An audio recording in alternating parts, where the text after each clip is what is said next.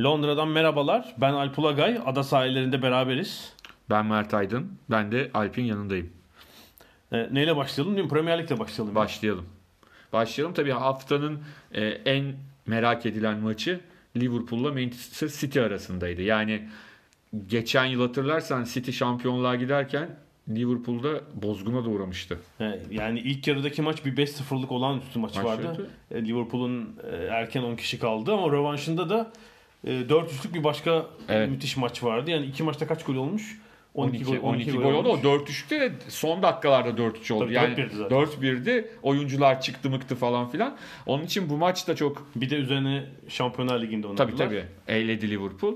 Ee, o açıdan da e, ilgi çekici bir karşılaşmaydı ama biraz daha fare doğurdu diyebiliriz. Yani şundan dolayı hani daha fare doğurdu derken çok mu kötü maç, rezil mi oldu falan değil ama daha biz tabii doğal olarak bu iki Beklentiyle alakalı. Tabii Klopp'la Guardiola'nın çalıştırdığı takımlar adlarından bağımsız olarak takımların oynadığında ortaya çıkan ürünün bu olmasını beklemezsiniz. Yani Öyle. 0-0 değil de 3-3 bekleriz değil mi? Skor anlamında değil sadece oynanan oyun anlamında da yani sahada gördüğümüz oyun anlamında da Çok tedbirlilerdi sanki. e, Yani çünkü şu anda galiba ikisi de böyle bir maçı kaybetmeye kendilerini hazır hissetmiyorlardı. Halbuki şu anda kaybetmenin bir e, sıkıntısı yok gibi bana göre. Tela, telafisi çok kolay çünkü. Ama sanki bunu çok istemedi iki tarafta. E bir de üstüne o penaltı meselesi işte penaltıda e, Mahrez'in ben atacağım ben atacağım deyip klasik o penaltıyı gole çevirememesi. Ma- Martin Palermo'laştı adeta. Aynen öyle. Ondan sonra maça öyle, ya maçın rengi o oldu biraz. Yani maçın kendisinden çok e, işte Agüero'nun o sırada oyunda olmaması, e, penaltı için Jesus'la da Jesus'la- Guardiola özür diledi oyuncusundan değil mi? Yani şey dedi e, Guardiola e, Mahrez'in atmasına ben izin verdim dedi. E, onu söyledi ki oyuncuyu birazcık kurtarmış oldu. Yani hani Mahrez her şeye rağmen gitti, ona rağmen buna rağmen attı değil. Kariyerinin son penaltısını böylece kaçırmış oldu. Ama e? İngiliz gazetelerinde istatistikleri vardı City'nin. Yani takımın ana penaltıcısı Agüero'nun bile yüzdesi çok muhteşem değil. Çok ilginç bir şekilde.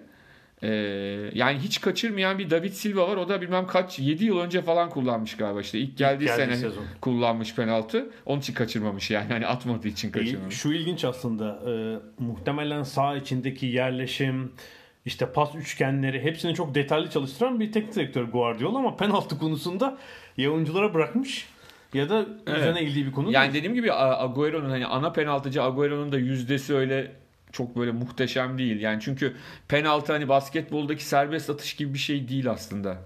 Yani penaltıdan yüzde yüzlü yüzde yüz atan çok fazla insan olabilir penaltıyı futbolcu olarak çünkü hani şeydir ya yani eninde önünde sonunda bir serbest atış kaçırırsın yani yüzde yüzle e, 60 maçlık bir sezonu tamamlayamazsın. Tabii ki evet. Yani Evet. basketbola Ama, ama fut- baktığımızda evet, tabii çok hani sık %90 atıldığı için. Çok, çok var. sık atılır çünkü. Evet. Onda bir kaçırıyor mesela. Çok sık atılır. İyi Ama atılır. futbol öyle değil. Futbolda bir senede 5 penaltı atabilirsin. 5 de gol olabilir. Yani hiç bu anormal bir durum değil ama öyle bir şey de yok yani City'de. City'de herkes penaltı kaçırma konusunda birbiriyle yarışıyor. Ee, ileride bu bir problem olur mu? Göreceğiz yani hani bu, bu maçta sonuçta bu maçı kazanmış olması e, City'nin sadece şu andakinden 2 puan daha önde yapardı City. Yani çok böyle ya da Liverpool'u şu andakinden 1 puan daha geride yapardı. Başka da bir şey yapmazdı ama moral motivasyonu bunun e, önemli olabilirdi. Öyle söylemek. Evet daha 8. haftadayız çünkü.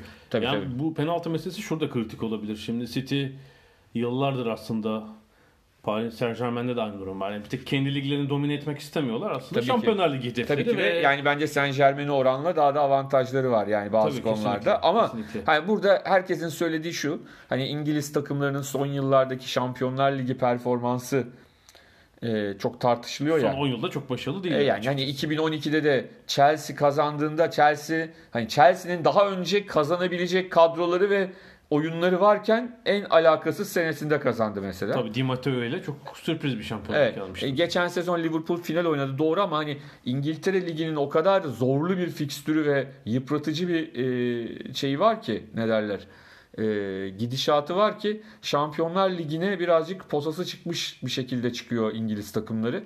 Biraz bu da çok konuşuluyor. Yani Premier Lig büyüktür Şampiyonlar Ligi gibi bir hava oluşuyor. Hani bırak tamam İspanyollar alırsa alsın. Bizim ligimiz en çok izleniyor.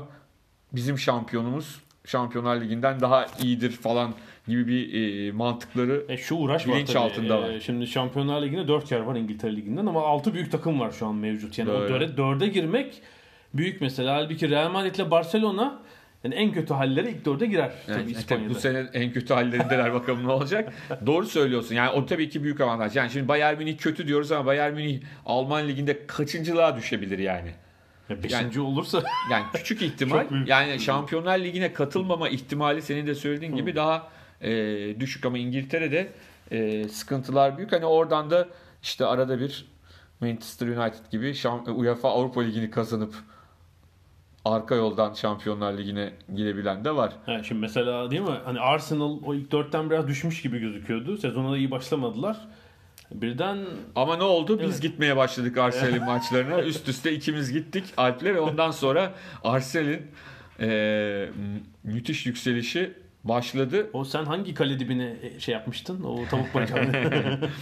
Ee, buradan Arsenal'lere mesajı gönderiyoruz. Bize bilet yollayın, Arsenal'in maçına gidelim falan diyor. Deplasmanlara da gideriz. Tabii tabii. Gerekirse. Bu hafta onlar da 5 attılar. Evet. evet. Deplasman. Gerçi Londra deplasmanı. Ee, bu sezon 20 takımın 6'sı Londra'dan. Hatta bir de Watford'u da yakın civardan sayabiliriz. Yani Evet, Watford'da da Londra diyen çok var yani. Londra takımı olarak kabul eden. İstanbul ölçeği ne diyebiliriz? Hani böyle Çatalca, Büyükçekmece falan demek herhalde şey olmaz. Yanlış Evet, olmaz. evet. Mesafe olarak şehir merkezine. Ee, o yüzden e, az deplasmanı var tabii Londra takımlarının. Muhtemelen otobüste şehir içinde gidilen deplasmanlar. Ee, Arsenal da rahat kazandı. 3 takım şu an 20 puanda tepede. Evet yani arkalarında da iki takımın 18 olduğunu düşünürsek United bu hafta aslında Mourinho e, kovulmanın yine eşiğinden döndü. Hem de e, yani artık hani espri olarak söyleyebiliriz. Hani sanki şey bilerek yapılmış gibi 2-0 yenik duruma düşüp 3-2 kazanıp müthiş bir geri dönüş haline geldi. Newcastle deplasmanı bir kabus şeklinde başladı aslında Manchester United için. 10 dakikada 2 gol yediler. Sağlarında değil mi? Kendi sağlarında. Ee, sonra da ilk yarıda Newcastle'ın kaçırdığı pozisyonlar var. Yani maç gidiyor ve şeydi zaten. Cuma'dan cumartesiden Mourinho'nun son maçı. işte Zidane'a Manchester yönetimi Zidane'a haber verdi.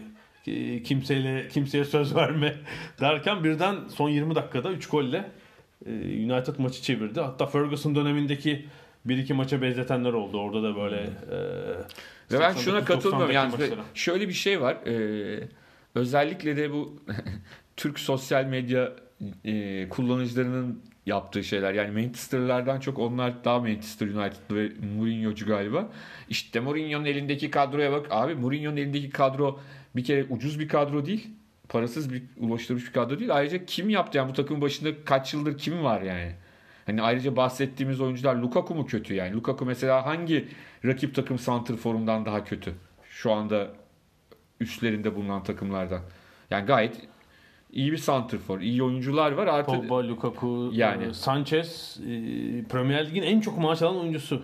Yani onu e, ısrar kalede De Gea var. Tamam yani Dünya Gea. Kupası skandal geçti ama yani Problem zaten oyuncular değil. Onlardan verim almamak, alamamak herhalde değil mi? Bu durum var. Yani. doğru. Söz konusu. E, var mı Premier Lig'e dair başka notumuz? E, şimdilik burada tadında bırakalım. E, aslında milli maç arasından sonra zaten Chelsea Manchester United'la direkt zaten şeyi açacağız ne derler. E, eğlenceli bir fikstürle açılacak. Evet. Evet, 9. haftanın ilk maçı olacak. 20 Ekim e, Cumartesi günü. ve gündüz maçı. E, Türkiye saatiyle 14.30'da burada 12.30'da. E, o maçta işte Sarri Mourinho'ya karşıyla şey yapacağız. Artık rahatız. Mourinho kovulmaz herhalde o milli maç arasında. Ama Chelsea deplasmanından 3 puan alırsa yeniden her şey kartlar yeniden Karılabilir. Evet. aynen öyle. E, yenilirse de bu arada zirveyle iyice Tabii tabii. teması kopmuş olacak. Yenilirse e, de biraz sıkıntı büyük olur. Doğru. Evet Premier Lig bölümünü burada bitiriyoruz. Ada sahillerinin ikinci bölümünde de yılın futbolcusu ödülüne altın topa bir uzanalım. France Football bu hafta e, altın topun adaylarını açıkladı. 30 aday isim var. Şöyle bir listeye bakalım. Hem kendi favorilerimizi söyleyelim. Listeye dair belki Evet. Eleştiriler, şimdi belirtiriz. şu, şunu söyleyeyim önce. Ee, biraz hani şeyden bahsedelim. Formattan bahsedelim. Fransız futbolun formatı şu bir ara FIFA ile ortak yaptıklarında biraz daha karışıktı. Çünkü FIFA'nın ödülünde milli takım hocaları, kaptanları oy veriyorlar.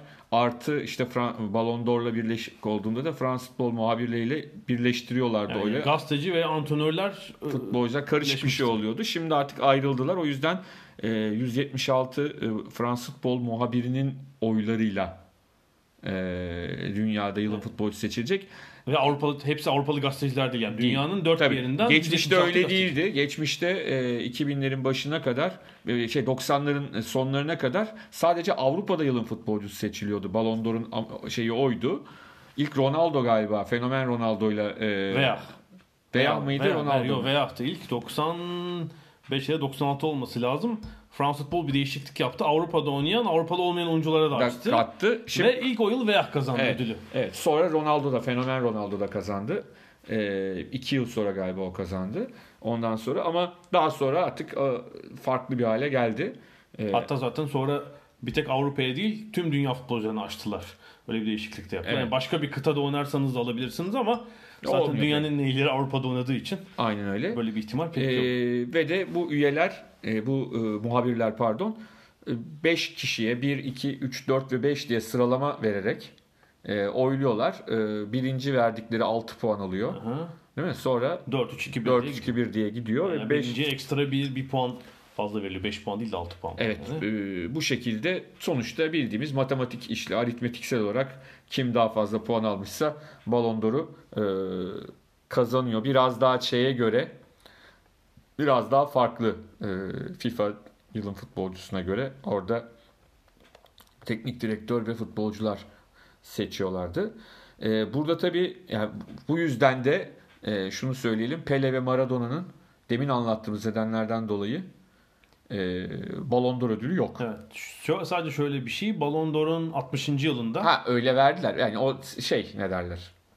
yok yok e, yani ilk 1956'da verildi. Evet. 2016 yılında Fransız futbol bir alternatif e, klasman yaptı. Özel bir kitap Evet. çıkardı ve e, Pele ile Maradona zamanında Ballon d'Or'un e, klasmanı böyle olsa olur diye Pele'nin 7 altın top ödülü alabileceği hesaplandı orada. Yani 1960'lı yılların neredeyse tamamında Şöyle bir şey var. Pele Şu an yani özellikle bu Messi, Ronaldo muhabbeti gibi yapılsa e, Maradona'da Maradona'nın olduğu bütün yıllar kazanırdı muhtemelen. Futbol aktif futbolcu oldu. O kadar Maradona o kadar çıkmadı. Galiba 3 sezon çıkıyor Maradona ilginçtir. Ama belli daha olmazdı fazla- ya. Yani O sırada çünkü bakış daha farklı. Yani 2016'dan geriye bakmakla elbette. o dönem yaşamak aynı şey değil. Ben E- Maradona'nın da her yıl Ay bir de- kazanacağını düşünüyorum. Bir de şeyi düşün. Eski sistem olsaydı herhalde Ronaldo 10 taneyi peş peşe dizmiştim mesela.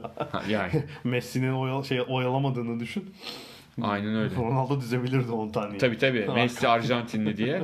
Ama o zaman Messi'nin hemen İspanyol pasaportu öne çıkarılırdı ben sana söyleyeyim. Şimdi tabii adaylara bakıldığında adaylar aslında çok şaşırtıcı değil. Yani e, nedir? E, Dünya Kupası ve e, Şampiyonlar Ligi. Şampiyonlar Ligi ağırlıklı doğal olarak. Hatta Yani Şampiyonlar Ligi daha belirgin çünkü 50 kişilik 30 kişilik listede pardon. Şampiyonlar Ligi oynamamış geçen sezon. Hiçbir oyuncu yok. Ama, ama dü- zaten Dünya Kupası'nda başarılı olan adamların da hepsi Dünya Ee, Şampiyonlar Ligi oynamıştı bir şekilde. Dünya Kupası oynamayan 3 oyuncu var. Evet. Bale, Benzema, Oblak. Onlar Dünya Kupası'na gitmediler. Bir de Dünya Kupası'na tabii hiç hayal kırıklığı yaratanlar var. Çeşitli sebeplerle işte Salah gibi sakatlık sebebiyle. Ee, Ama ne işte şampiyon yani hem kendi liginde de yani Salah Şampiyonlar Ligi değil sadece kendi Tabii, liginde tabii. de çok başarılı oldu. Tabii. Oynadığı ligde de Ee, çok başarılı oldu. Sadece şöyle bir şey yani 20 yıl o hele 30-40 yıl önce daha önemli. Yani Dünya Kupası'nın olduğu yıl Dünya Kupası'nda 2-3 maçı iyi oynayıp hani Zidane iyi bir örnek. Sen daha önce söylemiştin hani final maçında 2 gol attığı için birden altın topun bir numaralı favorisi oldu ki Doğru. Çok süper bir Dünya Kupası geçirmemişti. Geçirmemişti. açıkçası. Yani ama mesela hani biraz hep şey kalır az konuşulur ve Euro 2000 daha iyidir mesela. Daha iyi, kesinlikle. Zidane'ın Euro 2000'i. Euro Kesinlikle 2000'de oyun olamadı. Al- yani kupayı aldılar ama. Hani Kupayı aldı şey Evet, alamadı. Altın evet. topu alamadı. Yani Euro, Euro 2000'e damgasını vuran adam bence Zidane'dır ama orada finalde gol atmadığı için falan çok ön plana Ya da şeyi çıkıyor. düşün. Rossi'yi düşün. Mayıs ayına kadar maça çıkmıyor 82'de. Dünya Kupası'nın ilk 4 maçı gol yok. Son 3 maçta Ki bir 6 de gol. tabii 82 yılında Şampiyonlar Ligi diye bir organizasyon Tabii. da yok. Tamamen Dünya Kupası Tabii. üzerine neredeyse Evet. kurulmuş. Şimdi ben adaylarımı söylüyorum. Puan veriyorum. Fransız futbol muhabiri olsaydım.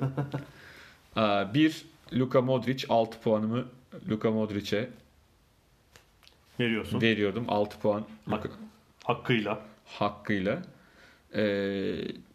5 5 puanı 4 puanı pardon. İkinci sırada yani. İkinci sırada Kylian Mbappe'ye. Aha. Üçüncü sırayı Mo Salah. Aha. Dördüncü Cristiano Ronaldo. Evet. Ya eee, veriyorum. Beşinci sırayı da Eden Hazar'a veriyorum. Eden Hazar.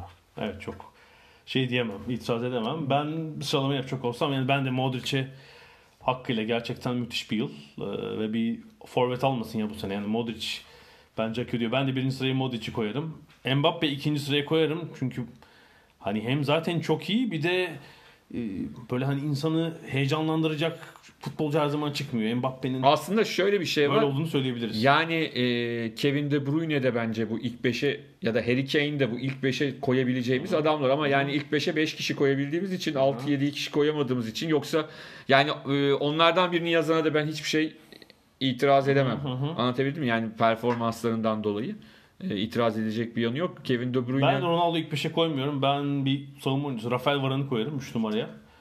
Ee, savunma oyuncuları maalesef zaten aday listesine az giriyorlar. Ee, kaleciler ve savunma oyuncularının böyle bir şanssızlığı var. Son alan savunma oyuncusu herhalde Cannavaro değil mi? 2016'da. Cannavaro. Çok ender rastladığımız bir durum genelde. o da savunmaların çok ön plana çıktığı bir Dünya Kupası Evet, tabii ki. olmasından Tabii ki ben Varane'ı koyarım. Ee, sonra Azar'ı koyarım ve Salah'ı koyarım.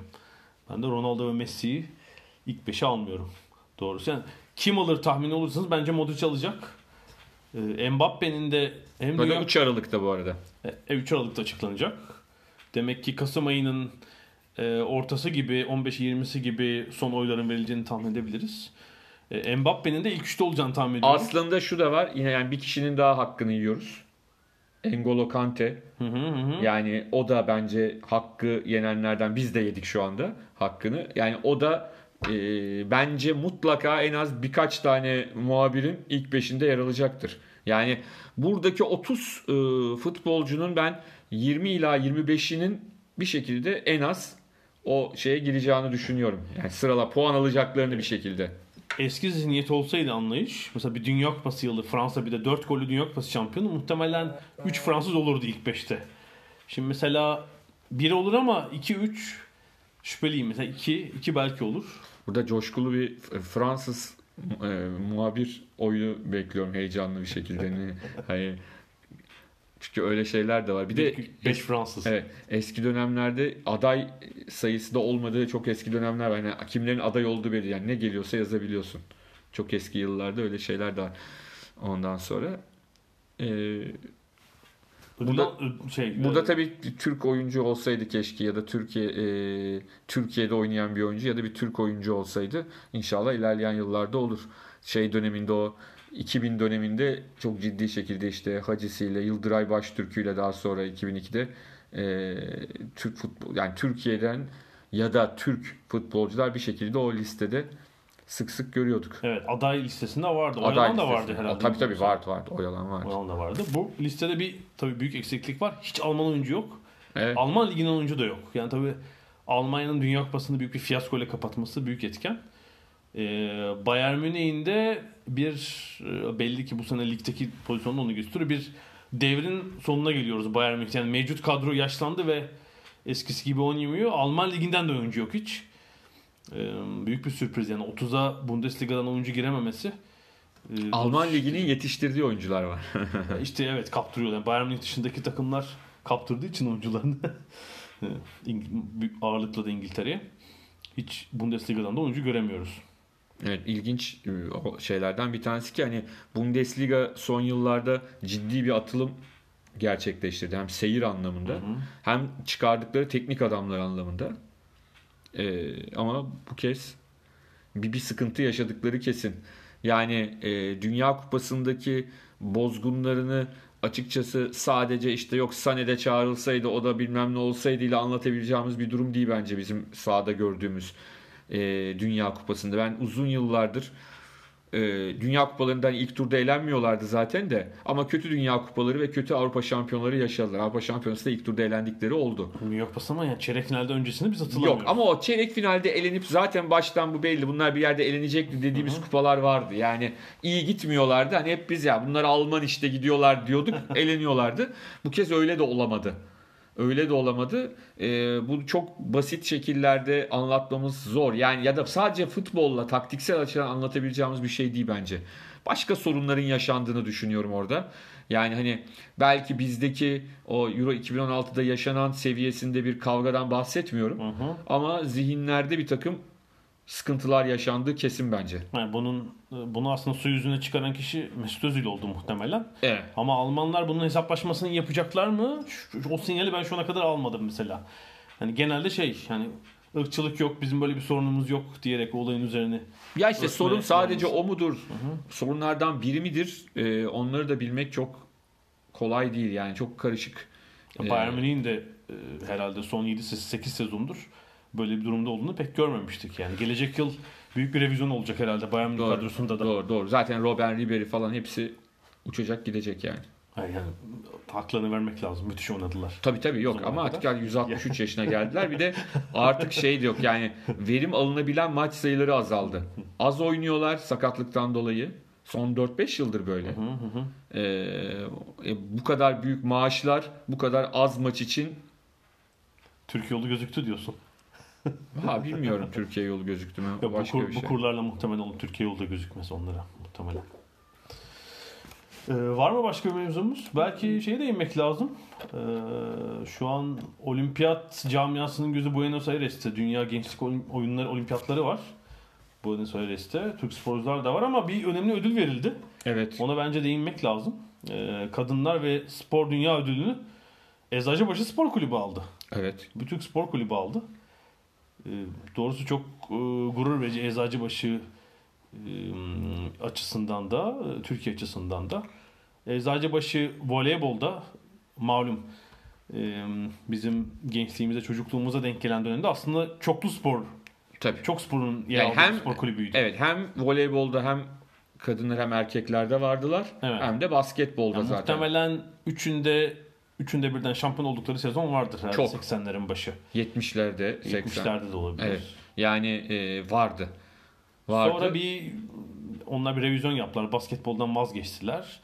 Bir noktadan sonra erkek voleyboldan da vazgeçtiler ama kadın voleybolun her zaman öncüsü oldular Doğru. ve sadece bir üst yapı kulübü değil müthiş bir yetiştirici eczacı Doğru. Geçen hafta da konuşmuştuk. Yani e, kadın voleybolu, kızlar, genç kızlar, çocuklar e, o açıdan hakikaten özel bir performans gösteriyorlar. Tabii ki bu ödülün sadece sportif bir anlamı yok yani sosyal bir anlamı var. Hı.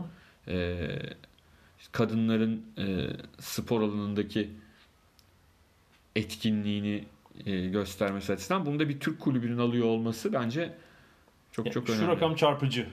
Ee, Ödül sayfasında var Eczacıbaşı Spor Kulübü'nün. 2017 itibariyle bugüne kadar e, voleybol programlarında 11 bin sporcu yetiştirmişler. Yani bu şu anlama geliyor. Kendi A takımının donattığı başka takımlara verdi ya da Doğru. işte küçük e, yıldız genç kategorilerinde Eczacıbaşı Spor Kulübü'nde voleybol oynayan Ya şunu spor sayısı. şunu anlamamız lazım. Onunla ben de hani çok da uzatmayayım söyleyeyim.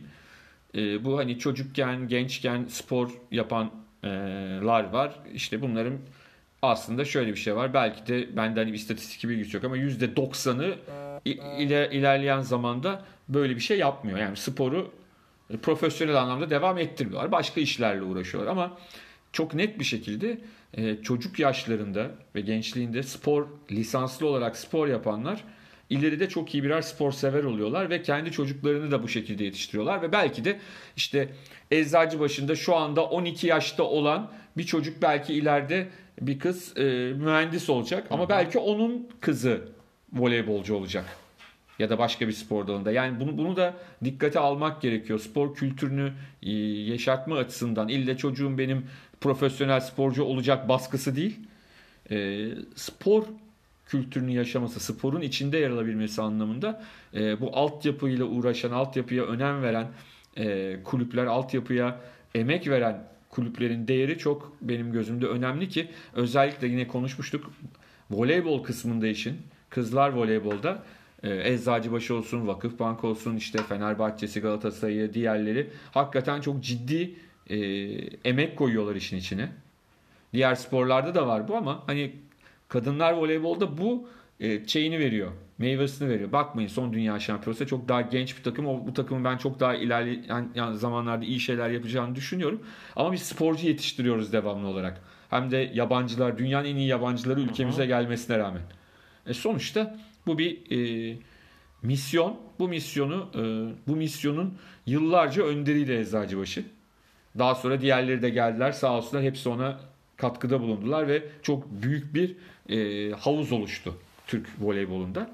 E, bu açıdan da bu ödülden dolayı onları tebrik ediyorum. Evet çünkü bir noktada vazgeçip yani biz buradan işte para kazanamıyoruz, yeterince tanıtım yapmıyoruz diye çekilebilirler biraz e, Eczacıbaşı Şirketler Grubu'nun e, hı hı. keyfi bir karar olabilirdi. Öyle bir şey hiçbir zaman sapmadılar. Şu anda sadece İstanbul'da değil işte e, 2021 hedefleri var. 11 şehirde 5000 öğrenciye ulaşmak istiyorlar. Hı hı. Yani hı hı. altyapı kategorilerinde büyük bir rakam. E, şu andakinin üzerine ekleyerek devam edecekler belli ve senin dediğin gibi özellikle ergen yaşlarda gençlere spor yaptırabilmek, bunun eğitimin e, paralel bir parçası olduğunu e, benimsetmek çok önemli. E, herhalde bu yolda devam edecekler. Tebrik ediyoruz Eczacıbaşı Spor Kulübü'ne. Neyse sen de düzgün söyledin. Tebrik etmek lazım lafından nefret ediyorum. Tebrik, ben ne dedim? Doğru söyledin işte. Tebrik, Tebrik ederiz. Tebrik etmek lazım. Ne niye lazım abi? Tebrik edelim yani hani. Lazım diyerek birilerini zorlamaya gerek yok. Biz tebrik edelim. Lazım olmasın yani. Hani. ben ona takıldım. Programı bitirmek lazım değil mi galiba? Evet, aynen. O da tamam o lazım. e, haftaya görüşmek üzere. Ada sahillerinde tekrar buluşmak üzere diyorum. Hoşçakalın.